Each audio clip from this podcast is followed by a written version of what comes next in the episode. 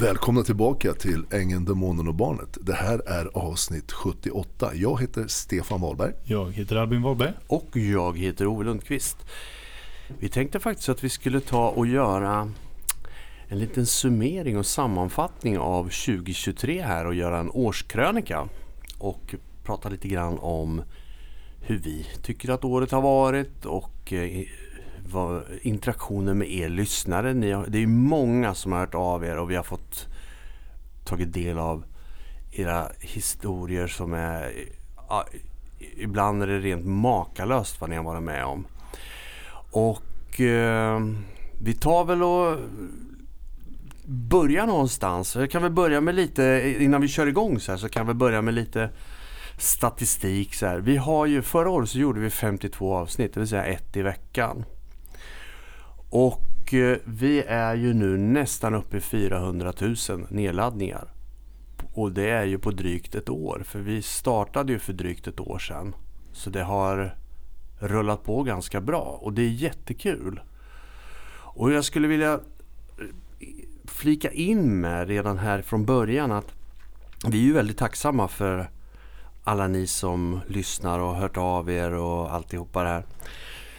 Och det finns ju en möjlighet att för er också att kunna delge den här podden för era vänner och sånt här. Och det är inte för att vi fiskar lyssnare på något sätt utan vi har ju förstått nu att den här podden har betytt väldigt mycket för många personer. Och ni har fått lära er och kanske förstå er situation. Ni kanske har många runt omkring er som behöver också få ta del av det här och eh, lära sig eh, kanske också ta sig ifrån destruktiva förhållanden. Så det finns en anledning att dela det här vidare. Vi gör det här helt ideellt. Vi tjänar inga pengar på det här. Så för våran del så spelar det inte så stor roll om vi har en eller om vi har hundratusen lyssnare. Det är inte det som är poängen. Poängen ligger i att kunna för, för våran del att få liksom sprida vidare det vi har tagit åt oss och vad vi har lärt oss och våra erfarenheter. Ja du Stefan. Ja, det kan vi verkligen betona. Att, eh, vi, vi, jobbar ju alla och du jobbar ju jättemycket med det praktiska inspelning och redigerar och sådär Ove. Mm. Så vi, vi, har, vi har ett mission känner vi. Och eh, det är inte för alla men vi tror att det är för många. Så, eh, för det, det, vi har märkt på de som, på er som har varit så jävla modiga mm. och hört av er. Och alla er som inte har gjort det, ni är också modiga. Men alla som behöver. Eh, vi behöver, vi behöver prata om sånt här därför att det är som vi har sagt hela tiden från dag ett. Det mm. pratas inte så mycket om det här med narcissistiskt beteende. Den här typen av personlighetsstörning på människor som är så jävla förödande. Mm. Alltså jag menar förödande. Eh, vi har ju senast nu innan vi startade podden så läste vi en här. Det hör mm. av sig, ni hör av er jättebra och jag är jätteglad. Och ni ska veta att ni kan verkligen höra av er och vi kommer aldrig sprida vidare någonting om inte ni vill det själva. Mm. Utan, och, och är, det som, är det öppen information som ni säger att vi kan använda, då gör vi det. Annars är det bara till oss. Ni kan mm. skriva om precis vad ni vill. Och jag, jag, och jag vet att vi, ni andra, vi, vi allihopa här blir väldigt varma av att ni vill delge era historier. För det är ju det, det är bara så, det man kan säga så lite existentiellt, det, det, är inte lätt att leva. Nej. Man ska plocka upp alla bitar genom livet och, och liksom lära sig saker och ibland så blir det fruktansvärt hårt att lära sig vissa saker. Och en del kommer nästan inte över utan det blir sådana här trauman som man faktiskt har kvar. Mm. Och det är då det blir extra gripande när, man, när vi lyssnar och läser, ni, och vi är vuxna allihopa som ni som hört av er och så vi som lyssnar uteslutande. Så det är ju, vi har gjort en sån här spärr också så att barn kan faktiskt inte lyssna på det. Därför att det är tungt och det är svårt. Men alla har inte haft den här hjälpen som vi alla behöver när vi är små. Och få den här tryggheten att utvecklas till den här mm. starka människan som man nu ska bli någonstans. Ingen är perfekt och ingen blir fullärd. Men alltså man behöver ett visst eh, stöd, en viss stort mått av villkorslös kärlek. Och det, mm. det är inte alla som får det. Och höra de här historierna ni människor, alla vi människor som, som har de här olika sakerna från uppväxten. Det, det, och det vi kan göra åt det, vad kan vi göra åt det kan man fråga sig. Och när man fastnar i vissa saker, jo det är att prata om det och försöka hjälpa varandra. Mm. Det är vårt mission. Punkt slut. Ingen kommersiellt, ingenting. Jag kan inte ens någonsin se att vi ska på något sätt, eh, inte en krona kommersiellt. Det här gör vi bara för att dela med oss av våra erfarenheter, våra tankar och om något av det passar för er så ni kan ta, ni kan ta hjälp av det, jättekul. Mm. Och gör inte det så är det också helt okej. Okay. Men vi tror att det här behövs pratas om helt mm. enkelt. Och vi behöver hjälpas åt. Mm. Jag, det är bara så. Jag har ju pratat med några stycken som har hört av sig och jag känner, jag är övertygad om att ni känner precis likadant. Att det, de kontakterna med folk som har ringt in och faktiskt förklarat hur otroligt värdefull den här podden har varit för dem i deras resa och sakerna de har varit med om och bara få känna att de inte själva är det här. För i slutet av dagen så är det ju inte olagligt att vara narcissist och det är inte olagligt Nej. att ljuga. Och eh, det gör ju ofta att när man blir utsatt för dem så berättar man det för folk så tror de, tror de nästan att man är dum i huvudet för att ja, men då hade de väl Ja, det, det, så borde det inte vara men de utsätter den för alla möjliga jävligheter och hamnar i någon form av gråzon där de inte kan straffas för det men det ställer till ett jävla helvete för mm. en. Och eh, de som har som jag har pratat med då har bara sagt att det här har ja, några har sagt att det har varit som de beskriver nästan vad de har varit med om själva. Eller vi beskriver nästan vad de har varit med om själva. Och det har varit enormt mycket värt och eh, att få höra att de inte själva är det och att det finns fler som är med om liknande grejer. Mm. De, de samtalen har varit för mig så här, jo men det vi gör det är värt någonting. Mm. Om det är värt allt eller väldigt lite, men det är värt någonting.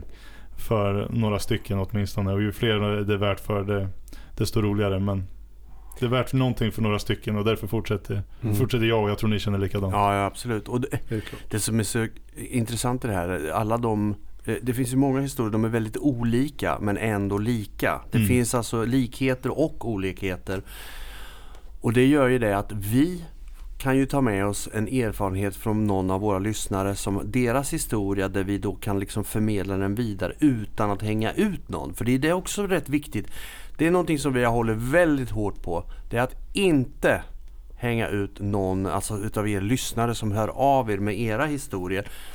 Det har ju ni berättat i förtroende.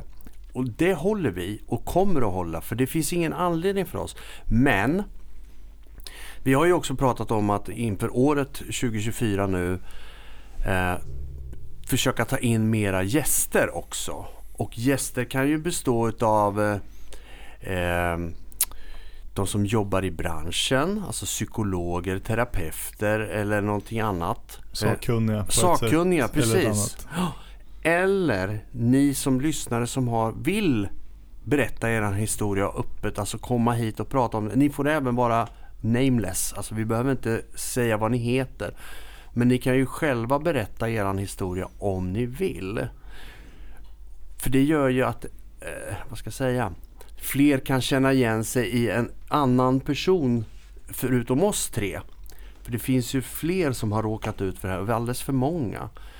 Och hur man kanske har hanterat det, om man har något sätt som man hanterar det på. Eller sitter man i en situation där man inte har hanterat det. Det kan ju också vara så. Man behöver ha professionell hjälp.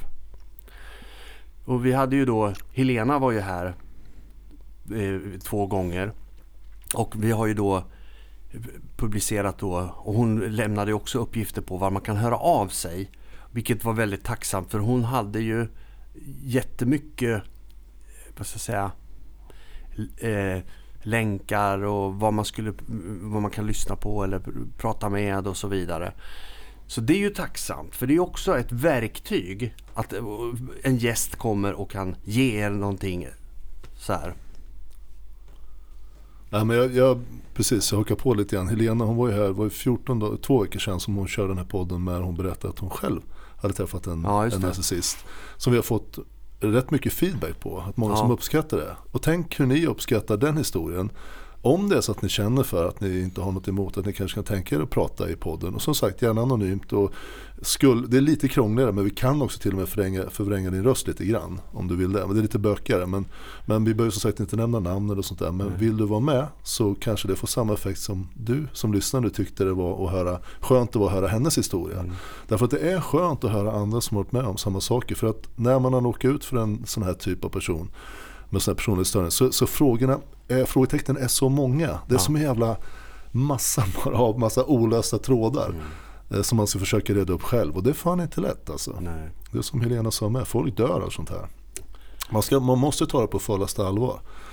Jag har ju som sagt eh, genom podd, eh, hela poddserien här försökt att visa också hur jag tycker att jag är stark och står stadig på jorden. Och det är kanske mycket, det är en blandning men bland annat så har jag bestämt mig för att vara det. Ja. Men jag har fått mig känga också. Och det, jag bjuder på det, jag måste bjuda på det för att jag vill berätta det för er. Mm. Och om nu Bill, vilket jag vet att om jag, Bill och Eva lyssnar på det här så tycker de att det var lite kul. Att han tog vice, för det ju det blir så. När man, när de tycker att det är kul och när de lyckas tvåla till något lite grann. Men jag står, nu står jag stadigare än någonsin på jorden. Men under en tid där så var det faktiskt bökigt även för mig. Det är bökigt att vara själv i det. Och, mm. inte, och så, som sagt, som ni som lyssnar, som har varit med om någonting, upplever när ni börjar prata med någon, rätt så fort så upplever de att det är lite jobbigt att lyssna upplever ni nu som ja. har varit med om det här och vi berättar för någon. Därför att det är så, det är så jävla sjukt. Mm. Och det är så jävla stolligt. Och det är så otroligt långt utöver vad en normal människa bör hålla på med. Så man tror nästan att den personen som berättar någonting den har varit med om att den nästan inte har förstått rätt eller att den är paranoid. Eller... De här ställer till ett helvete för Och vi vet ju av erfarenhet nu och även eh, vad lyssnare har berättat för oss att det är, så, det är svårt att ta sig ur ett sånt förhållande. Därför att narcissisterna har en förmåga att hålla kvar dem med lugner och manipulationer. Och säga att oh, men allting är bättre, det är inte som det var för jag har, det är borta nu. Men nej. Och vi får ju gång på gång höra att det, det, det, är ju inte så. För de, blir, de förändras ju inte. De håller sig i skinnet en stund tills du känner att ja, men nu känns det safe igen och det känns bra. Nu är den här personen som jag blev förälskad i, ängeln kommer tillbaka. Gör ett lite tillfälligt besök. Och sen dröjer det inte länge innan liksom snaran dras åt. Och problemet är ju ofta att en narcissist ser till att ditt sociala nätverk havererar. Och det kan de göra på många olika sätt. De kan gå bakom ryggen och prata skit om dig. Och det gör de. Ja, mm. så att de, ingen vill veta av det och du har ingen aning om vad som händer. Och sen står du där helt ensam vilket gör att det är ännu svårare att ta sig ur det därför att du sitter i en beroendeställning. Du vet inte vart du ska vända dig, du har ingen att prata med eller något. Och vi blir ju som det här gamla radioprogrammet En röst i natten lite så. Eller TV, det var ju en tv-serie, kommer du ihåg den? Om en radioshow. Ja, om en radioshow. Ja, tv-serie om en radioshow. Precis. Nej men alltså på, på, allvar, det är ju, jag, jag, det fanns en nivå för mig då. Eh, jag kan bara passa in det du säger det här med delge sin egen historia. Men det finns en nivå som man blir varse om. Som jag inte trodde fanns. Mm. Eh, efter jag hade min upplevelse eh, med de här spelevinkarna. Eh, som du säkert också upplevt. Och där man, man tror nästan inte själv att det är sant. Man mm. litar nästan inte på det man upplever själv. Och så ska man försöka förklara det här för någon. Mm. Och då är man ju lite, alltså vad fan ska jag börja? Hur ska jag förklara det här? De här sjuka grejerna. Det är oerhört svårt. Alltså, mm. Så um, var, var glad och vänd dig till dem som, som du har riktigt nära. Som faktiskt litar på dig. Ta det lugnt och sansat. Försök att och beskriva som det. För man behöver hjälp. Man behöver faktiskt hjälp. Jag hade nog inte Visst, jag kan inte gå in och se något alternativ vad som skulle ha hänt om jag inte hade pratat med någon. Jag vet inte hur jag skulle ha löst det här helt själv faktiskt. För det det är otroligt bökigt. Mm. Alltså livet är kort, ni, alla vi som pratar och ni som lyssnar. Det är kort och man ska vara rädd om det. När sånt här händer, eh, gör någonting. Jag har hört många, flera sådana här som, som har lyckats med saker och ting, tagit sig ur saker. Det är gemensamt det de säger. Det, det som tillhör en vinnande strategi det är inte att ändra allting över nyårsnatten. Man lovar att man ska bli en helt annan människa eller vad det är. Det kan man göra om man känner att det är realistiskt. Men det du ska göra är att ändra lite, lite i taget. Mm. Gå ett litet steg varje dag mot någonting. Och så ha lite tålamod. Där har du en vinnande strategi. Mm. För då kommer du få ändring. Det är som att träna och bygga mm. muskler. Det gör du inte på ett träningspass, inte på 10 och inte på 20-30 heller så småningom så tittar du i spegeln och tänker vad fan händer här? Om du vill gå ner i vikt eller bli muskulös. Jag pratade om det förut, den här enprocentsmetoden. Ja, ja. Och det, det är ju ja. den. Och det, det var ju liksom en ögonöppnare för mig också. Inte bara Eh, vad ska jag säga? Jag, jag, jag, har ju förstått att man ska göra saker i små steg. Men när, när man läser det där och ser, liksom ser hela teorin bakom så är ju det genialt. För att det är så det är. Du kan sällan göra stora steg utan gör det lite i taget då blir det enklare, lättare. Men det är bara att det går ganska mycket fortare. För det är så lätt att gå på för hårt och sen så, nej jag orkar inte. Om vi ska prata om det här med nyårsluften som oftast brukar vara så. jag ska börja träna. Och så tränar folk som fan hela januari och halva februari och sen tycker de att nej det här var inte så kul. Och sen så faller det ihop. För då tränar de som en tok så här, tre, fyra dagar i veckan och då har de kört slut på sig själva. Börja lite försiktigt då ja. i sådana fall och bygga upp och, och, hitta njutningen i det istället. Jag, jag har ett, eh, en som jag följer en entreprenör som har sagt vid några tillfällen och han är amerikan så han snackar engelska som jag lite fritt översätter och tolkar själv det han har sagt eh, så går det i princip ut på att man lyckas inte genom att ta sensationellt stora kliv. Man lyckas genom att ta sensationellt många små kliv. Mm. Uh, och att göra vanliga saker sensationellt länge är lite närmare det han har sagt. Men det är i princip samma grej. Att ta de stora grejerna, de, det är inte de som kommer göra den stora skillnaden. Det är hur många gånger du kan göra de små grejerna. Mm. Som kommer göra den stora skillnaden. Och det är oftast det att det, det, det, det är mer hållbart över tid. Mm. Eftersom att de här små stegen man tar är oftast, vad ska jag säga, vettiga strategiska beslut som man kan faktiskt ändra och mm. justera lite efter vägen. Vänta nu, jag tror att jag måste göra så här för att då passar den bättre in i min, mitt slutmål. Ja, vart jag vill komma. Och i en relation med en, vad ska vi kalla det, misstänkt narcissist så skulle det kunna vara till exempel det här med, som vi har sagt många gånger, att spela in samtal som är ett ovärderligt verktyg mm. när man har med en narcissist att göra eller en misstänkt narcissist. Eh, och att eh, då vara konsekvent med att alltid se till att spela in alla samtal och inte känna att ah, vad sa vi verkligen något viktigt den här gången, ah, skitsamma. Mm. Eh, nu blir det en väldigt lätt grej att hålla för om man installerar en app i telefonen så har man ju förmodligen bara ett alternativ att trycka ja eller nej. Spara eller inte spara. Det är bara att trycka spara på alla samtal. Men som koncept här. Att se till att om du har bestämt dig vid ett läge där du känner att fy fan nu har jag fått nog. Mm. Eh, nu ska jag göra det här och det här för att eh, komma till bukt med det här och se vad, det fan, vad fan det handlar om tumma inte på det. Se till att hålla det även när du känner att det inte är så viktigt. För det när du känner att det inte är så viktigt, det kanske är viktigast av allt. Mm. Det är det här med kontrakt. Du, behöver inte, du känner inte att du borde ha skrivit ett kontrakt förrän du behöver kontraktet. det, det. Ja men det är så. ja, det är så. Tror man det. Ett anställningsavtal. Jag har haft jobb utan anställningsavtal. Jag har haft jobb med anställningsavtal. Vita jobb, mind alla som lyssnar här. Eh, men eh, mitt första jobb när jag jobbade på Jakobssons möbler. Där eh, skrev jag aldrig något anställningsavtal. Nu vart det aldrig någon grej där. De var väldigt bra mot mig men det var eh, det är ju ett läge där har du inget anställningsavtal då kan de säga att ah, men du Albin jag tycker du kan gå hem nu. Mm. Och du bara, ska jag komma imorgon? Nej du behöver inte komma tillbaka. Mm. Och så står man där utan jobb, utan ersättning, utan någonting. För de har ingen skyldighet. Mm. Men eh, hade de fått för sig att det skulle bli så, ja då hade jag varit jävligt glad om jag hade haft ett avtal. Mm. Precis. Och eh, sen dess, som sagt nu var jag inte med om något illa där. Men jag insåg ju i kontexten där att det är eh, man kanske skulle ha ett. Och sen dess så har jag ju sett till att ha mm. avtal på de jobben jag har till exempel.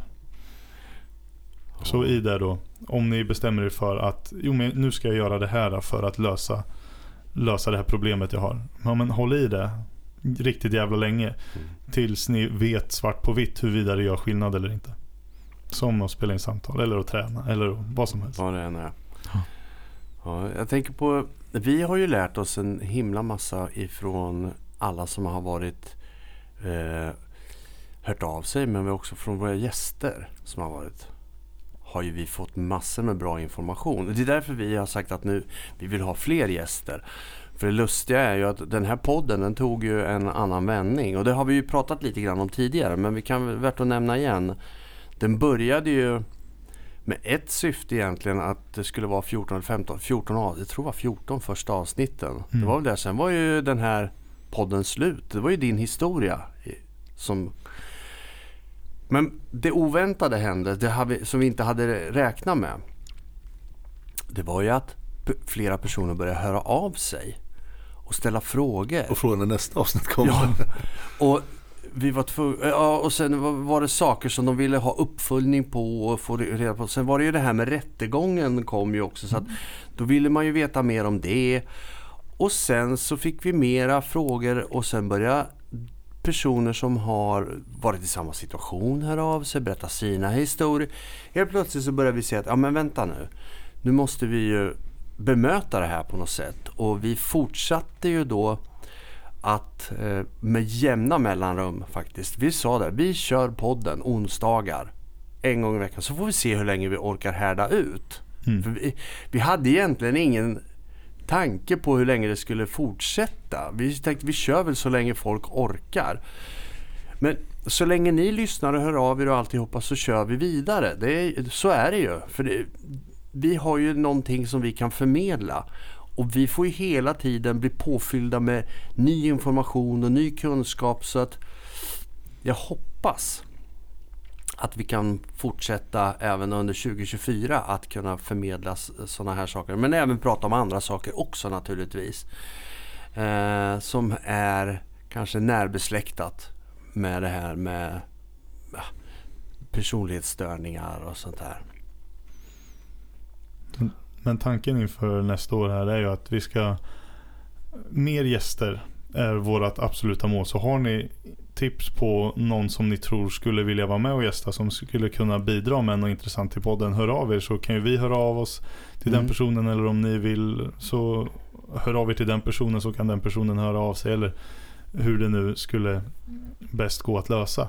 För vi vill ha mer gäster och vi vill prata om det här med narcissism och personlighetsstörningar. Det, det, det, det är det vi känner att vi vill breda ut mer, fördjupa oss i. Vi har ju, eh, vad ska jag säga, en redan nu kan vi väl avslöja. Vi har ju flera gäster som står och väntar på att vi ska komma in och, eh, i, i, år. Men eh, vi har utrymme för fler, det kan vi säga. Alltså utan problem. Det är, det är 52 veckor på det här året också. Eller få... är det 53? Är det någon som har kollat det? Bra fråga. Det borde vara, när fan är nyårsafton nästa? Är det måndag? Jag vet inte. Det, det är så här, ibland, ibland, är det ju 53 veckor. Då blir det ju 53 va? Blir det? Ja, det blir inte 53 hela men det blir Nej, ju precis. veckonummer 53 kommer man ju in på. Det var du inne på en intressant Varför det ska jag kolla det? Ja.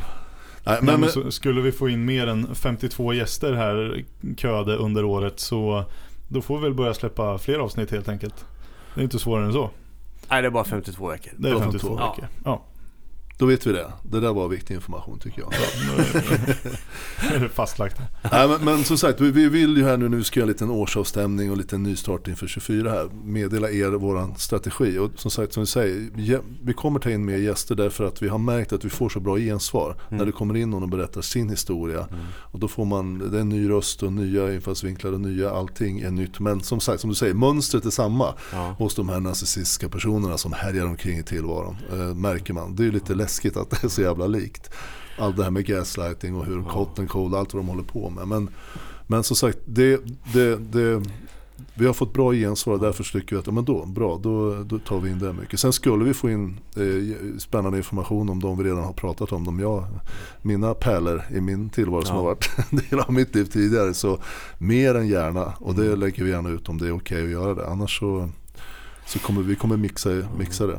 Kommer vi göra. Jag har ju en drömgäst inför 2024. Nu? Ja, men, um, det är ju en i min bekantskapskrets som har råkat ut för en helt sanslös historia.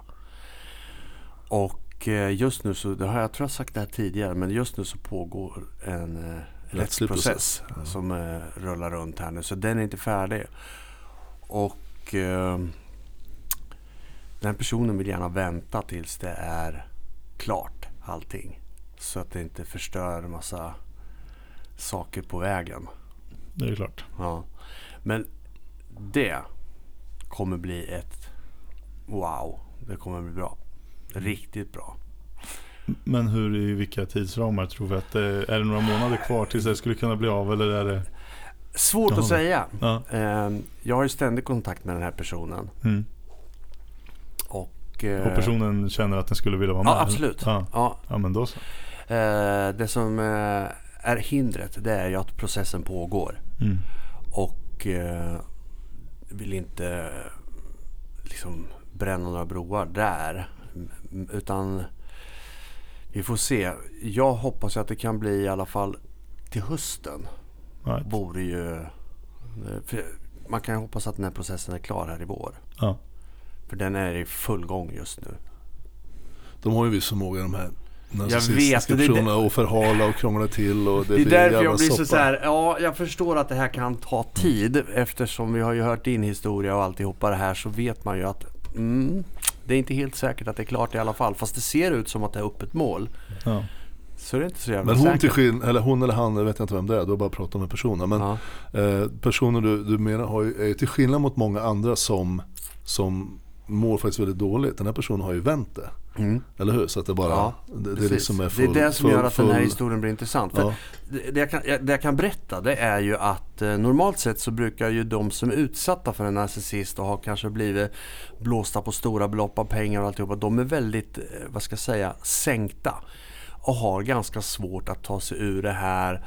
Och behöver ha någon som lyfter dem under, under armarna och liksom kom igen nu, vi är så här. Och de blir väldigt ofta överkörda. Så att narcissisten går därifrån och bara Titta vad bra det gick för mig. Lite så. I det här fallet så är det inte riktigt så det har gått till. Utan den här personen har tagit de här, eh, det, här nederlaget och tagit det och gjort om det till en styrka. Att vända alltihopa och se till att nej nu jävlar är det nog. Du ska få. Så.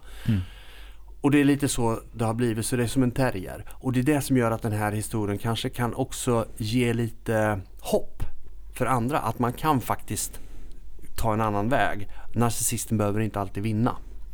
Det är oftast det man hör, att de vinner. Och de, nej, men jag, vill inte ta, jag vill inte röra i det där därför att nej, jag känner mig obekväm med det. Det är det vanligaste jag har hört. De, de vågar inte helt enkelt. De vill inte komma i konflikt. Nej men sen är det oftast inte så jävla enkelt för narcissister är ju inte, de är inte dumma i huvudet fullständigt. Nej, Även fast de är känslomässigt helt vrålhandikappade. Mm. Det är de verkligen empatimässigt så är det ju för eländigt. Alltså det, är- det är det som gör oss otäcka. Men de är oftast, eh, som i, i, i mitt fall, i Bills fall, han är ju logiskt rätt så smart. Mm. Men han är ju handikappad på andra sätt. Men rent logiskt sett och rent hur han ska liksom spela det här spelet som han pratar om. Som han tycker att livet är. Han tycker ju livet är ett spel. Så är de jävligt duktiga. Därför så krävs det väldigt mycket. Det krävs väldigt mycket resurser. Det krävs väldigt mycket engagemang. Och det krävs liksom att du verkligen orkar köra det här. Och 9 av 10 minst, ännu mer skulle jag gissa, orkar inte ta det här liksom med dem. För att de, de ger sig inte. De tycker det här är lite roligt att hålla på så här. När det väl spelet är igång på den här nivån. När de liksom har lurat någon och sen är det någon som börjar ge tillbaka och så här, då jävlar ska du få se. Då kommer den här demoniska krafterna fram.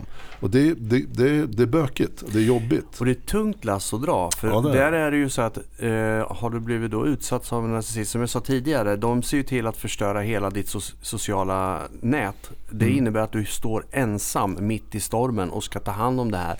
Och då är frågan, hur mycket orkar man och hur länge? Mm. De här som är narcissister, de har ju byggt upp en armé runt omkring Mm. sig. Med, och där kan ju de hålla på hur länge som helst. Och oftast så har de ju också tillskansat sig massa pengar. Mm. Gärna från dig också som utsatt. Så att de sitter på en mindre förmögenhet. Som de olovligen har tagit till sig. Från dig så sitter det och ofta andra personer med. Mm. Så att de har en, en bra sits.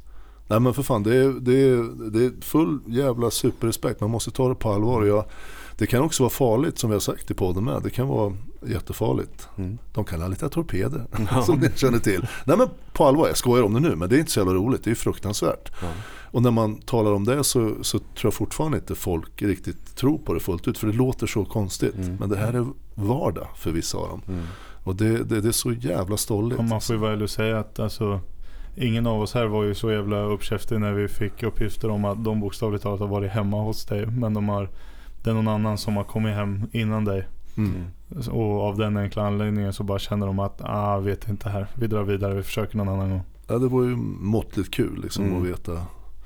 Och som sagt, eh, man kan ju tycka vad man vill om sig själv och sådär. Men när det kommer två, tre, fyra sådana här ja, som jobbar som torpeder då, eller vad man ska kalla dem. Så det, det, då blir det ju plötsligt allvar. Man har inte en aning om vad de vill, vad de har för uppdrag. Eh, vad de ska göra. Då, då blir det allvar. Det blir, de är otäcka, de hotar ditt liv. Glöm inte bort det. Så var smart och försök att lyssna på det vi har sagt och lyssna om på poddserien om du vill. Vi har pratat ju om allt möjligt här de tidigare avsnitten men du kan få mycket hjälp på vägen Mm. och ta hjälp. Mm. Försök att eh, ja, men, försök att hitta någon som kan lyssna lite grann. Mm. Om inte annat bitvis. Sådär, och försök att klura själv. Och som sagt återgå till den här, så man, inte, man, liksom, man kommer i en neråtspiral mm. av de här hela tiden. Det, börjar hända saker, du blir smutskastad till dina gemensamma vänner. Så vissa pratar inte med dig längre. Nej. Som jag med, hälften av dem jag har umgåtts med och haft jättemycket goodwill med, de är borta idag. Men hälften är ju kvar. Mm. Så jag väljer att se det så. Jag har rensat lite grann. Mm. Alltså man kan se allting på olika sätt. Jag väljer att se det mesta på ett, på ett bra sätt, positivt sätt. Men det är inte lätt alla gånger. För det här de gör, alltså du kommer inte få tillbaka vissa vänner. Vissa kommer alltid ha ett litet, så säga, lite snett öga till dig. Ja. På grund av vad narcissisten har, har sagt. För de använder allting. Om du har levt med en narcissist då vet ju andra runt omkring att ni har ju tillbringat massa tid tillsammans. Och då den här narcissisten säger, vet du vad? Vet du vad som händer här då och då? Och drar till med någonting. Alltså det, de lyssnar på det folk och de blir, om inte annat, om de kanske inte tror det på det rakt av, så blir de fundersamma mm. vad fan som har hänt. Och den kanske rena liksom, bild de har haft av det tidigare, den kommer aldrig bli densamma. Men det får man bara acceptera. Så är livet. Gilla det. På ett sätt är det fascinerande att de kan vara så övertygande ja. och få sin lugn att låta så sann och att folk går på det där utan att ifrågasätta eller kanske ägna en andra tanke åt det stämmer verkligen det här. Men i sin, liksom, i sin arsenal så, så tar de det här att folk vet att ni har haft tid tillsammans, som jag och Eva hade tid mm. tillsammans. Och det går inte att låta bli, eller går, komma ifrån att vissa kommer att tro att det är någonting i alla fall. Mm.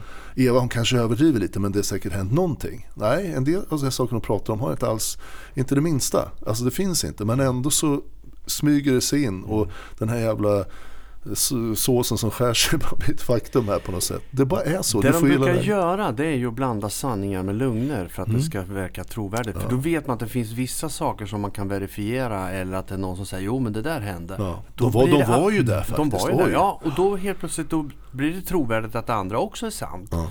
De är ju inte dumma. De nej, vet nej. ju mycket väl när de ska spela det här spelet. Mm. Varför? Jo, därför att de gör det här hela tiden. Så det är klart att de blir bättre och bättre på att ljuga. På det där. Och så är det. Men, och de drar sig inte för någonting. Som sagt, eh, min dotter har blivit indragen, fått anmälningar på sig. Så ja. de, det är ingenting är heligt. Nej. Trots att Eva har egna barn bekommer henne inte. Nej. Ingenting, det bekommer henne inte alls. Hon ser det här bara som roligt. Det är ytterligare ett sätt att försöka komma åt mig. Mm. Sen att min dotter mådde jävligt dåligt av det och har aldrig haft med polisen att göra. Och jätteolustigt för en tonåring att åka till liksom, polisen och bli förhörd och sådär. Mm. Hon var väl tonåring då tror jag. Men eh, det, det bekommer de inte. Nej. Det bekommer de inte. Det är det här som är eh, otäcka. Det, det, de har ju inget samvete. Nej. Det är det som är problemet. Så det Albin var inne på, dokumentera. Gör det för din egen skull så att du kan verifiera. För rätt vad det är så kommer en, en lögn om någonting som du kanske har inspelat. Ja. Det kanske behövs 100 inspelade samtal med den här personen. Eller 20 eller 30. För att rätt vad det är så säger de, vet du vad han sa när vi pratade med honom? Ja men vänta, då kan du visa, jag har faktiskt ett inspelat samtal här. Ja det här var vad vi sa, okej. Okay.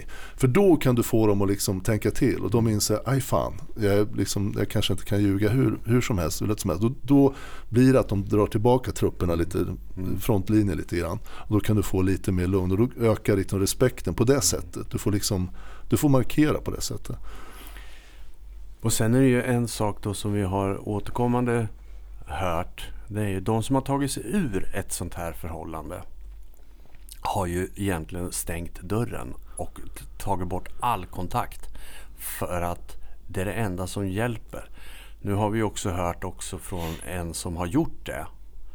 Där narcissisten i fråga påstår, trots att de har brutit, att de fortfarande är ett par. Och mm. berättar det vitt och brett till andra.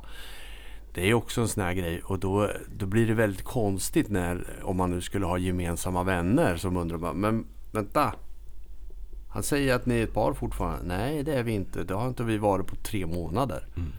Nej, men det säger han. Liksom, det... ja. Ja, men man, man, man, får jobba det. Man måste ta sig i kragen. Ett sätt som du var inne på Albin, ta sig i kragen och stärka sig själv. Mm. Ha, förbättra dig lite, lite, lite varje dag. Vi pratade om en annan podd där om att bädda sängen på morgonen. Ja. När, jag, när jag gör det, då, då, blir jag alltid lite mer skärp. Ja. Det låter löjligt. Nej, men jag kanske, håller med dig, för jag är likadan. Ja, och, och, sen, också. Ja, och bädda sängen. Och sen har du gjort det några månader kanske vad vet jag, tvätta lite snabbare så att du inte låter tvätthögen växa. Du kanske diskar undan. Och det är vissa dagliga rutiner för det, du mår bättre. Man och du börjar blir lite dagen starkare. med lite ordning och reda. Ja, det precis. innebär att resten av dagen blir likadant. Man, man, det är inte det att man känner sig duktig. Man bara känner att bra, nu har jag liksom... Ja, man har gjort någonting. Man har gjort någonting. Så ja. ligger det lite kläder vid sängen, det tar man bort, mm. stoppar det i, i tvätt papperskorgen. Alltså det följer med så många mm. andra grejer. Man tar med sig soporna ut när man går till, mm. till jobbet. Alltså små grejer. Som det är så lätt att skjuta på även ja. som att bädda säng. Men bör, börja där lite grann, små grejer. Nej, nej. nej. Nej men alltså som sagt det kanske låter tramsigt men, men det har stor betydelse för att du inte ska liksom trappa tillbaka för mycket. Till slut har du ingenting du kan vara nöjd och stolt över. Och du Nej, kan inte ljuga för dig själv på något sätt. Tänk dig skillnaden om du går, kliver upp ur sängen, du bäddar den inte. Du sätter dig i soffan och tittar på TV, morgon-TV i, eh, liksom, i någon sunkig vad heter det, mysoverall eller morgonrock eller vad som helst. Du tar inte på dig, du gör inte ordning. Tror du kommer komma igång någon gång idag. Men om du börjar med att du går upp, bäddar sängen, tar på dig kläder eller duschar och tar på dig kläder, vilken, eh, om du nu gör det. Käkar frukost och liksom kommer igång. Då är det mycket lättare att ta tag i saker. Du fixar ordning disken från igår in med dig i diskmaskinen om du nu har en sån. Du, som jag sa, tar med soporna ut när du åker till jobbet. Och sen kommer du ha en mycket bättre dag på jobbet. Så är det ju. Man är mer skärpt. Det handlar ju om att bygga bra vanor. Ja. Mm. Precis som, jag vet inte, de, många kan nog relatera till det här när man ska försöka hålla en bra diet eller något. Försöka få lite rätt sida på sina, vad ska vi kalla det, kulinariska ovanor. Ja. Och eh, så en dag så käkar man en dålig frukost och så känner man att ah, skitsamma, frukosten gick åt helvete. Varför ska jag anstränga mig med lunchen? Jag ligger ju redan back, whatever kalorier. Eller jag käkar det här som jag inte skulle käka. Eller vad man nu har för riktlinjer i dieten. Eh, och sen så blir hela dagen förstörd för att man börjar den dåligt. Mm. Men att då istället satsa på att börja den på ett bra sätt. Mm. Och att när man har gjort det, försöka lägga till någon mer bra grej och någon mer bra grej. Och man bygger upp ett momentum av bra mm. vanor. Och någonstans i ledet bra vanor så kommer det också komma tids nog att man känner att fan jag måste ta tag i den här toxiska relationen jag har mm. med en person som bara suger energi ur mig och jag måste eh, tids nog så kommer den vara ett hinder som du måste ta dig förbi. Den här narcissisten i din närhet kanske inte stör dig lika mycket när ditt liv är kaos. Men när du börjar ta tag i ditt liv och gör lite ordning och reda och känner att du har någonting att vara stolt över. Snart tids nog så kommer den börja vara en liten igel som ligger och är i vägen så att säga. Mm. Och vad, vilka mått man än behöver ta till för att känna att man kan och ska göra något åt det. Mm. Det här med att skapa bra vanor kan vara en del i det. Mm. Om du känner att du har inte energin, du har inte kraften att göra något åt det för att den här är för, för stor. Den här demonen som mm. har kommit in i ditt liv. Men eh, att våga göra någonting och börja med att... För det är dit jag vill komma. Du behöver inte kanske börja alltid med om du känner att det är så stort så det går inte. Men börja inte där, börja någon annanstans. Börja med att bygga ett liv du känner dig stolt över. Och jag tror att tids nog kommer man känna att nej, nu går det här inte längre. Nu ska jag jävlar göra något åt den här jävla. Jag tror nog också att man bygger sig starkare ja, själv genom att uh, ha sådana egna rutiner och liksom så att man bestämmer sig för att jag ska bygga upp mig så att jag blir starkare. Med, ja. med hjälp av goda rutiner. Precis. Och låt inte den här personen för ibland, i vissa fall om man ska gå in på detaljerna nu här Det kanske till och med kan vara så att den här personen om den är en väldigt nära relation Om det är ett förhållande eller något liknande så kanske den kommer märka att du försöker ta tag i ditt liv och göra något bra av det Så den kommer komma in och försöka underminera den här processen Var vaksam på det också, mm. för det kan hända Det är ganska hända. troligt Ja eh, utan eh, gå din väg. Med lite tur så kommer den avlägsna sig av sig själv. Mm. För att den ser att det inte är något roligt längre när du tar ansvar för din skit och inte låter personen härja med dig lika mycket längre. Så återigen säger vi, börja dagen med att bädda sängen. Det ja, låter men, fånigt ja, men, men, det är sant. Men, och, och är det någon nu som tycker att det här låter löjligt av er som lyssnar så, så jag kan själv, liksom, jag tänker på det själv, jag har levt några år på jorden här. Och periodvis ibland när man har kunnat gjort det då så kanske man går upp och så, om man slår på morgon-tv lite mysigt. Ja. Men du kan gå och duscha först. Ja. Det är min rutin på morgonen, ja, jag försöker hålla. Och sen gör jag frukost och så har jag tvn på. Men då kan jag sätta mig i ordning, gjord och klar. Det är en jävla skillnad. Du är, är redo ja, liksom. Man är re- jag, precis. Jag har, har, en liten tanke. Jag tror de, de som är skeptiska och tycker att det är töntigt, de har inte provat Nej. att bädda sängen i några månader i sträck. Det är, det är den rimligaste förklaringen skulle jag vilja påstå. Det och, gör någonting. Och jag det, tror jag sa det förut, alltså, det tar någonstans mellan 30 sekunder och 4 minuter att bädda ja. en säng beroende på hur snabb man är. Men det tar inte, det tar inte 5 minuter. Det är inte svårt och det är Nej. värt en jävla massa. Och de, om vi säger nu att det tar fem minuter om man ska ta det långsamt. Det är ju ingen tid av ens liv på morgonen för att man ska få må lite bättre och få en bättre rutin. Och ju oftare man bäddar sängen då blir det fyra minuter, tre minuter. Sen är man ju så snabb så det finns inte. För det går fort att bädda en säng. Mm. Och det har verkligen betydelse. Jag, jag, mm. jag lovar. Och, och som sagt, har ni inte provat som du var inne på, ni kanske inte har gjort det, så ja, gör det. Har, Testa. Har ni annat nyårslöfte redan eh, in skrivet så att ni inte känner att ni har eh, ork och tid och lust med det här. Så ett tips på ett nyårslöfte som ni kan infria så här lite i efterhand. Mm. Börja, börja med det om ni inte har något annat. Och är ni en person som bäddar sängen och gör det här redan men ni kanske skulle behöva lägga på lite mer goda rutiner. Så leta efter någonting som ni skulle kunna göra ytterligare än att bara bädda sängen eller så här. För det, det, går alltid att fylla på det här. För nu är vi inne på de här små förändringarna ja, varje. Som gör så som stor skillnad. Den, den, stora skillnaden, den, den poängen vi, man är ute efter när vi säger att man ska bädda sängen. Det är ju egentligen inte att bädda sängen. Det är ju vad det gör med ens karaktär. Ja. Att man inte struntar i de här små triviala de, detaljerna som man känner att det är när man står där. Men, utan att man gör dem och man tar ansvar för saker. Och för det är det, det är det det handlar om. Att ta ansvar för saker. För det är när du inte tar ansvar för saker som de börjar gå åt helvete. Tar du mm. ansvar för det, då, då har du det för det mesta under kontroll. Mm. Nej, jag, jag, kan inte nog poängtera hur viktigt det där är. Och man mår så mycket bättre, man är mycket gladare, man får mer saker gjort framför allt. Man får saker, bra saker gjort. Det finns ju personer som kan liksom få en hel dag gå utan att de har liksom gjort någonting. Men jag tror vem som helst av oss kan få det så. Om, om vi liksom bara låter dagen ja, ja, flyta ja. iväg.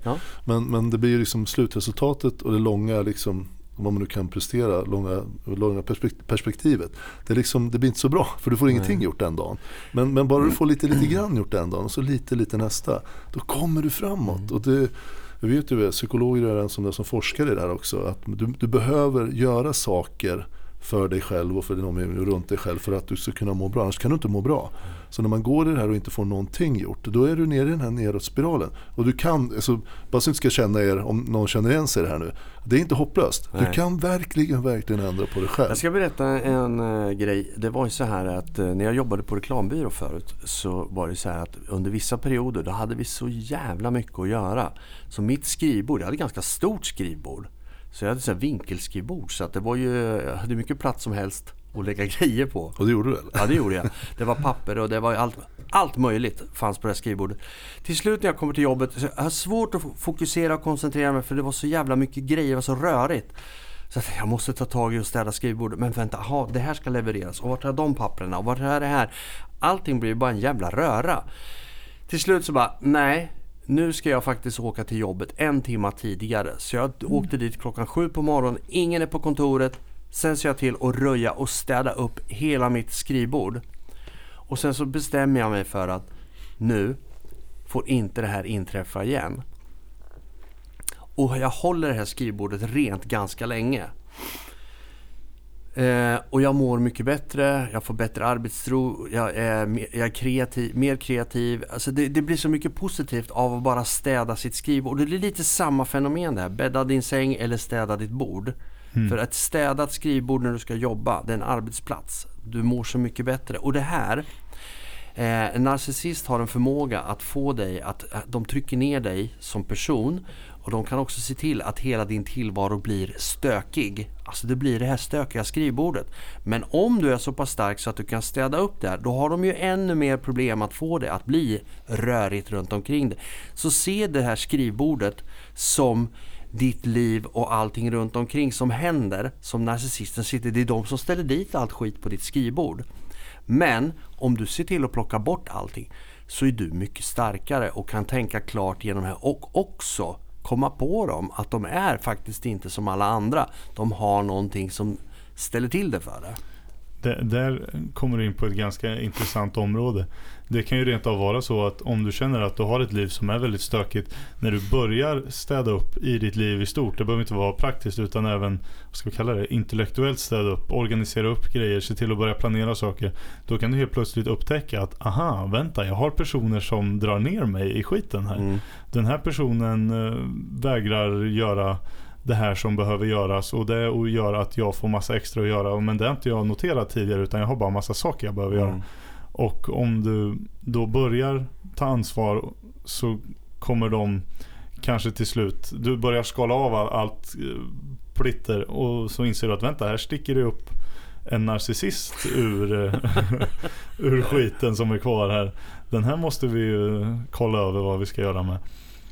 Och för det, det, är inte alltid man kanske märker av dem. Som sagt, det här är ett spår som jag som slog mig nu att det är inte alltid man märker av dem Nej. heller. Och, ja, men de är eh, duktiga på det här att liksom maskera sin väg ah, och så, ja. också långsamt vagga in dig i ett förtroende och lugner ah, ja. och manipulation och alltihopa. Och det är ju den här trappan som vi har pratat om förut, eller grodan. Mm. Kokta grodan. Precis till slut så sitter du på toppen av det här och så undrar hur fan kom jag hit och vad är det som har hänt? Mm. Och, man, man, accepterar bara allting sen. Men det, det, det är den tanken som det kom för dig när man väl blir medveten om vad man har råkat ut för när man sitter på toppen och undrar hur fan kom jag hit? Men vägen upp dit och när man väl är det och man inte har kommit på det. Då sitter man ju där och mm. tycker att det här är livet. Ja, men det, och när de väl vänder som sagt då, då får du ju smaka på allt möjligt. 2018 mm. när jag fick eh, svaret att hon började anklaga mig för en massa sexuella grejer och allt möjligt. Jag bara satt och tittade. Hur, liksom då bara, då bara så här, man bara svepa tillbaka. Bara, hur i helvete man går ut ifrån från sig själv på något ja. sätt. Så bara, hur fan hamnar jag här? Ja. Hur fan är det här möjligt? Ja. Alltså det, det, det fanns inte i något scenario för mig. Nej. Man har inte en aning. Man har verkligen inte det. För de spelar med så bra, så länge. Och då tänker jag ju så här. Jag ser ju dig som en väldigt, vad ska jag säga? Medveten och intelligent person. Man tackar. Ja, man ja, men äh, allvarligt. Jag har ju känt dig så länge. Så du, du har ju huvudet på skaft och du har ju varit duktig, eh, mästare har gjort och alltihopa och tänker igenom, gör inga, oftast inte några förhastade beslut. Men man måste ju nästan någonstans se sig själv så här i spegeln och tänka, fan är du helt dum i huvudet? Är jag idiot?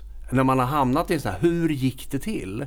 Och jag tycker att eh, även du som lyssnar, som är en, faktiskt en intelligent varelse, som har råkat ut för det här. Det är så många fler än du som har gjort det, som tycker själva att jag är dum i huvudet. Men ni är inte dumma i huvudet. Ni har blivit vilseledda, manipulerade under så lång tid och på ett så smidigt sätt så att ni, ni har bara åkt in i den här follan och aldrig har kunnat eh, behöva ifrågasätta eftersom allting verkar så...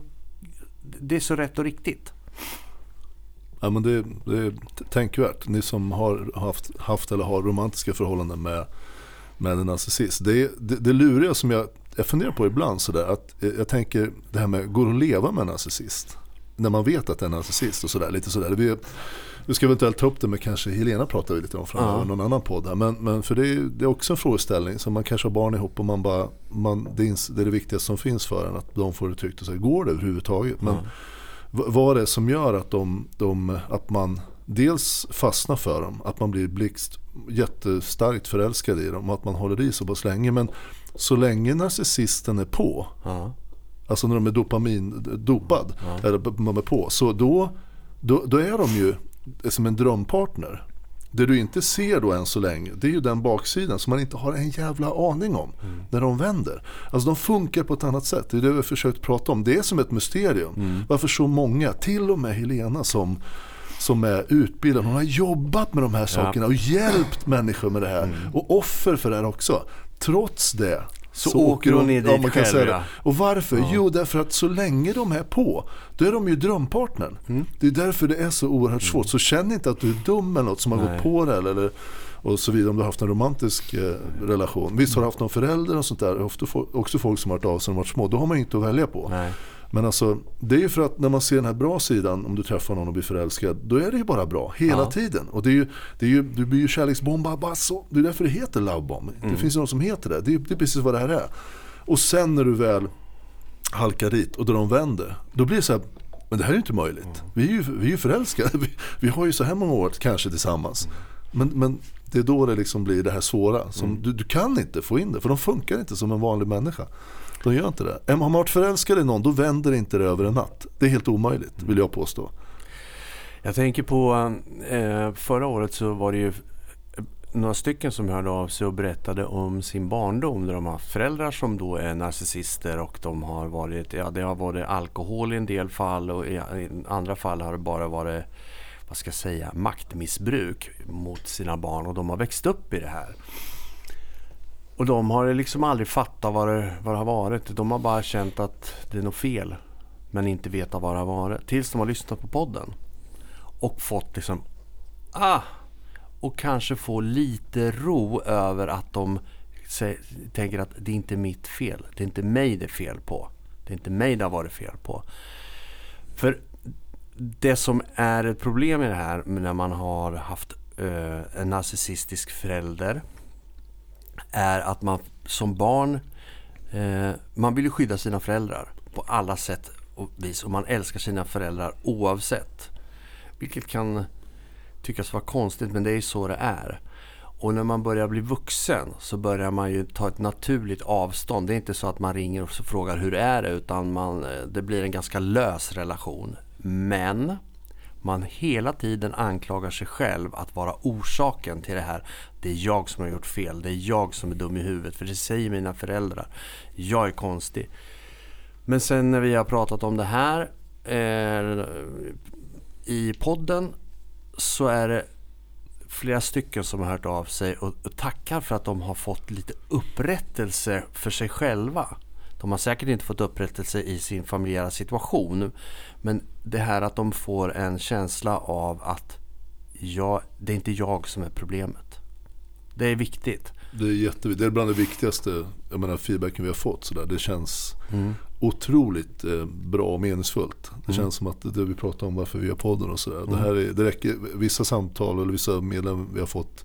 Ni har skrivit väldigt utförligt en del. Det räcker bara med ett. Så liksom ja. motiverar det allt, allt det vi har suttit här och, ja. och spelat in. Därför att fan det är det det här handlar om. Mm. Vi får hjälpa varandra. Det är bara så det så det, Då blir man lite extra glad att de har kommit till en bättre insikt och kan liksom starta om sitt liv med att inte vara skyldiga. För det är inte ditt fel. Nej. Det är verkligen inte det. Och utmaningen man har då det är att försöka att inse det och sakta sakta bygga upp sitt, sin självkänsla framförallt. Men även självförtroende till att man är, man är, man är värd det bästa. Ja. Man får försöka hitta de här strategierna som ja. vi tidigare pratat om också. Uh, jag ska bara tänker vi ska väl börja runda av. Men jag ska ta, mm. eh, vi, det var ju, har ju varit nyår och nyårsfirande och alltihopa det här. Och eh, när vi då hade våran sammankomst med mina vänner som var så, eh, när vi satt på nyårsafton så började vi prata om det här med narcissister på arbetsplatser. Vi har hittills bara pratat om för, förhållande med, med liksom ett kärleksförhållande eller någonting idag. Så. Men det blev ganska uppenbart det här med eh, chefer som är narcissister. Och eh, i det här stora, större sällskapet så kommer det fram att det var flera, eller samtliga ska jag säga, som har haft dåliga chefer som är alltså uppenbara narcissister. Och vi pratar om det här hur olika arbetsplatser kan vara beroende på olika chefer och hur de agerar och hur de är mot personal och sånt här. Och en av dem som var på den här eh, eh festen då, nyårsfesten, hade haft ett jobb innan där det var det var helt uppåt väggarna. Det var ett familjeföretag. Det var, det, det var ju narcissister högt och lågt. Det var ju, inte, det var ju inte rätt någonstans. Och jag var och besökte honom på, det här, på den arbetsplatsen och eh, började ganska snabbt inse att det här är någonting som inte står rätt till. Och det fick jag sen förklarat för mig vad som hade, hur det var där och det var inte rätt. Så jag kände ju det på en gång att det var inte bra. Den här personen började sedan jobba på en annan arbetsplats där det var totalt motsatt. Det är bra arbetsmiljö, det är bra chefer, det, är, det finns inte de här... Det de är duktiga på det är att leda. Inte vara chefer utan de är duktiga på att leda sina medarbetare och de är ett i teamet mm. och det är vi-känsla och alltihopa det här. Så det finns dåliga chefer även på en arbetsplats. Och det var en annan av de här som har jobbat på en arbetsplats och sökte sig därifrån för att den, eh, den här personen var också chef på, den här, eh, på det här jobbet. Men det fanns en chef som var lite över henne. Hon eh, tröttnade på det här. Det, det liksom funkar inte för den här personen var starkt narcissistisk och manipulativ och tog inget ansvar och skyllde på alla andra och sen, och sen var generellt otrevlig också. Så hon slutade där och började jobba på ett annat ställe.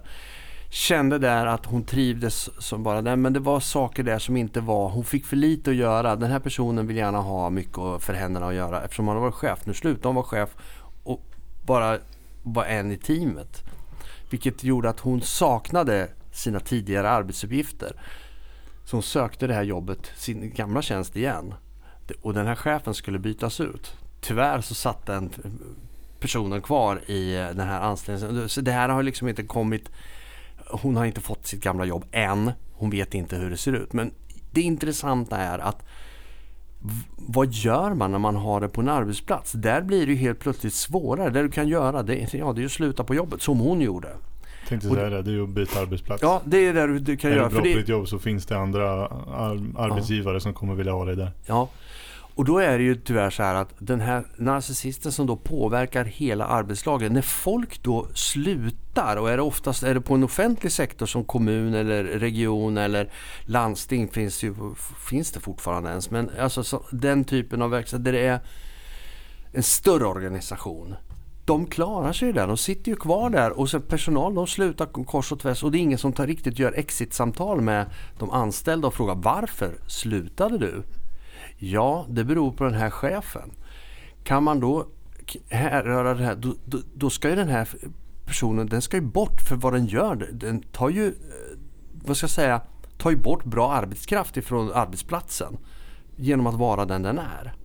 Så det här är ju ett trixigt område när det finns på arbetsplatser. Och jag tror att vi kanske kommer prata mer om eh, chefer som har narcissistiskt beteende de kan vara bra också beroende på vilken grad av narcissister det är. För en del är faktiskt bra också. För de har en eh, drivkraft att göra saker och fatta beslut. För det kan vara skillnad på någon som inte är det och inte kan fatta beslut och säga Nej men det här får de anställda. Jag har plockat fram det här. Det får ni bestämma. Det är ingen chef. Nej. Det, det är lika illa det. Mm. Ja, det finns ju säkert en, någon sån gång, det finns en anledning till att vi är så jävla olika. Det finns en anledning till varför det finns narcissister och psykopater. Och då tog de som exempel, jag lyssnade på en som höll föredrag och då sa de att eh, i krig ja. är det perfekt att ha en ja. narcissist och sätta på frontlinjen. De har inga problem. Om skulle, någon skulle anfalla Sverige här till exempel, vi är utbildade för att försvara oss. Ja, då ska ju någon stå kanske och skjuta ihjäl dem i värsta fall. Ja. De som försöker ta in vårt land och försöker ha ihjäl oss. Och det är inte så jävla lätt att ha ihjäl någon för en normal människa med empati och så, för det vill man ju helst inte. Men en psykopat då som är drillad utbildad och vet exakt när den ska gå in och sådär, det, det, det, då är det lite mindre svårt i alla fall. Liksom, det är lätt. Men, De har sin plats. Ja, precis. Men, men, som sagt, ja, narcissister har säkert också sin plats i någon slags chefsposition, men de är ju jävligt luriga. Och, den diskussionen du pratar om det här med narcissister på arbetsplatser som chefer. Det du inte ska göra det är att på något sätt säga till någon på arbetet, inte ens dina kollegor som du litar på, att du har något emot den här chefen. För kommer det fram till den, då kommer du för alltid bli ja. motarbetad. Tänk på det. Väldigt, väldigt de, viktigt. Eh, de ser till att ja. Eh, nypa till dig rätt rejält. Och det, är det. det liksom är bara absolut inte. Mm. Utan gör din egen planering hur du ska hantera det här. Och lämna inget personligt. Var bara Nej. inkognito när det gäller din egen person. Gör ditt jobb och gör det bra. Det är det här som gör att det blir lurigt. Ja. Det, och tyvärr är det så här att eh, du blir ju den som får gå. Därför att det är väldigt svårt att få bort en sån person på grund av egenskapen narcissism. För att det är ju inte, det är inte förbjudet. Och det är inte liksom, egentligen inte ett problem. så. Nej men är du företagsägare och vill ha effektiva konkreta siffror då kan det faktiskt vara bra att ha en narcissist som ledare. Ja. Även fast hur jävlig han, han eller hon än är mot mm. personalen. Så det där är lurigt också. Men, eh, men det är tråkigt bara om det liksom ja. blir eh, manfall på personalen. Då, då är det någonting som är, måste åtgärdas. Jag tror att sitter man i en bolagsstyrelse och det enda uppgifter man har i ett bolag. Då kan det vara frestande att anlita den här som man anar kan vara lite narcissistisk men som får fram siffror till varje pris. Mm. Men eh, jag skulle vilja påstå att det är ju möjligen enda positionen där man känner det frestande att anlita en narcissistisk typ in i ett bolag som i övrigt fungerar. Mm. Eh, för har du någon form av aktiv roll i det här företaget då kommer du inte vilja ha en narcissist Nej, då påverkar ju den personalen ja. på ett annat sätt. Ja, ja, ingen mår bra i närheten Nej. av en narcissist. Nej, så är det. De mår bra så länge du har narcissisten med dig men så fort du är narcissisten får för sig att du inte är till narcissistens vinning så mm. då blir det problem. Det är som vi har sagt förut, de sprider pester ja. runt omkring sig. Så här, droppar Och det gör de. Mm. Det, det, det, man kan inte prata nog om det faktiskt. Nej. Så eh, håll dig ifrån dem så Jaha. mycket som möjligt. Det är mitt absoluta råd. Och livet är för kort för att ha att göra med sådana. För de sådana här nära förhållanden, man gör saker för varandra som betyder så mycket. Som jag tycker bland mm. det finaste man bör sträva efter i livet. Sen lyckas man på olika nivåer men det är att hitta någon du kan dela din tillvaro Precis. med. Eller kanske och utanför det en grupp också människor som du litar extremt mm. mycket på. Där ni vet att ni har varandra. Någon riktigt äkta vän. Och det är svårt att hitta men men som sagt, och där har inte de här, det går inte att få in de här. De, de är pest, kommer in en narcissist i, i, en grupp, en bra grupp. Alltså de kan förstöra vilken ja, grupp som helst och det går rätt så snabbt. Ja. Men du får inte reda på det förrän lite längre fram och då, då, då är det. Då är skadan skedd ordentligt. Och, det är bara så. och de blir värre och värre desto äldre de blir. De håller på så länge de orkar. Ja, Hopp, ska vi önska er alla ett gott nytt år eller god fortsättning? Så här en och en halv vecka efter, men det tycker jag vi gör i alla fall. Ja, det, det, här, det här får bli vår liten ja. avstämningsnyårspodd här. Precis. Ja. Det, var, det blev nog en del vettigt sagt ändå. Idag, tycker jag. Så god fortsättning på er. Ja. Och hör gärna av er och sprid gärna podden så att fler får ta del av eh, den här informationen som vi löpande släpper. Precis. Ja. Och två grejer. Så är ni riktigt rädda om er. Och vad har vi sagt sen? Bädda sängen. Ja, bädda sängen. Men var riktigt rädda om er så ja. hörs om en vecka. Ja, det gör vi. Hej då. God fortsättning på er. Ja, Hej då.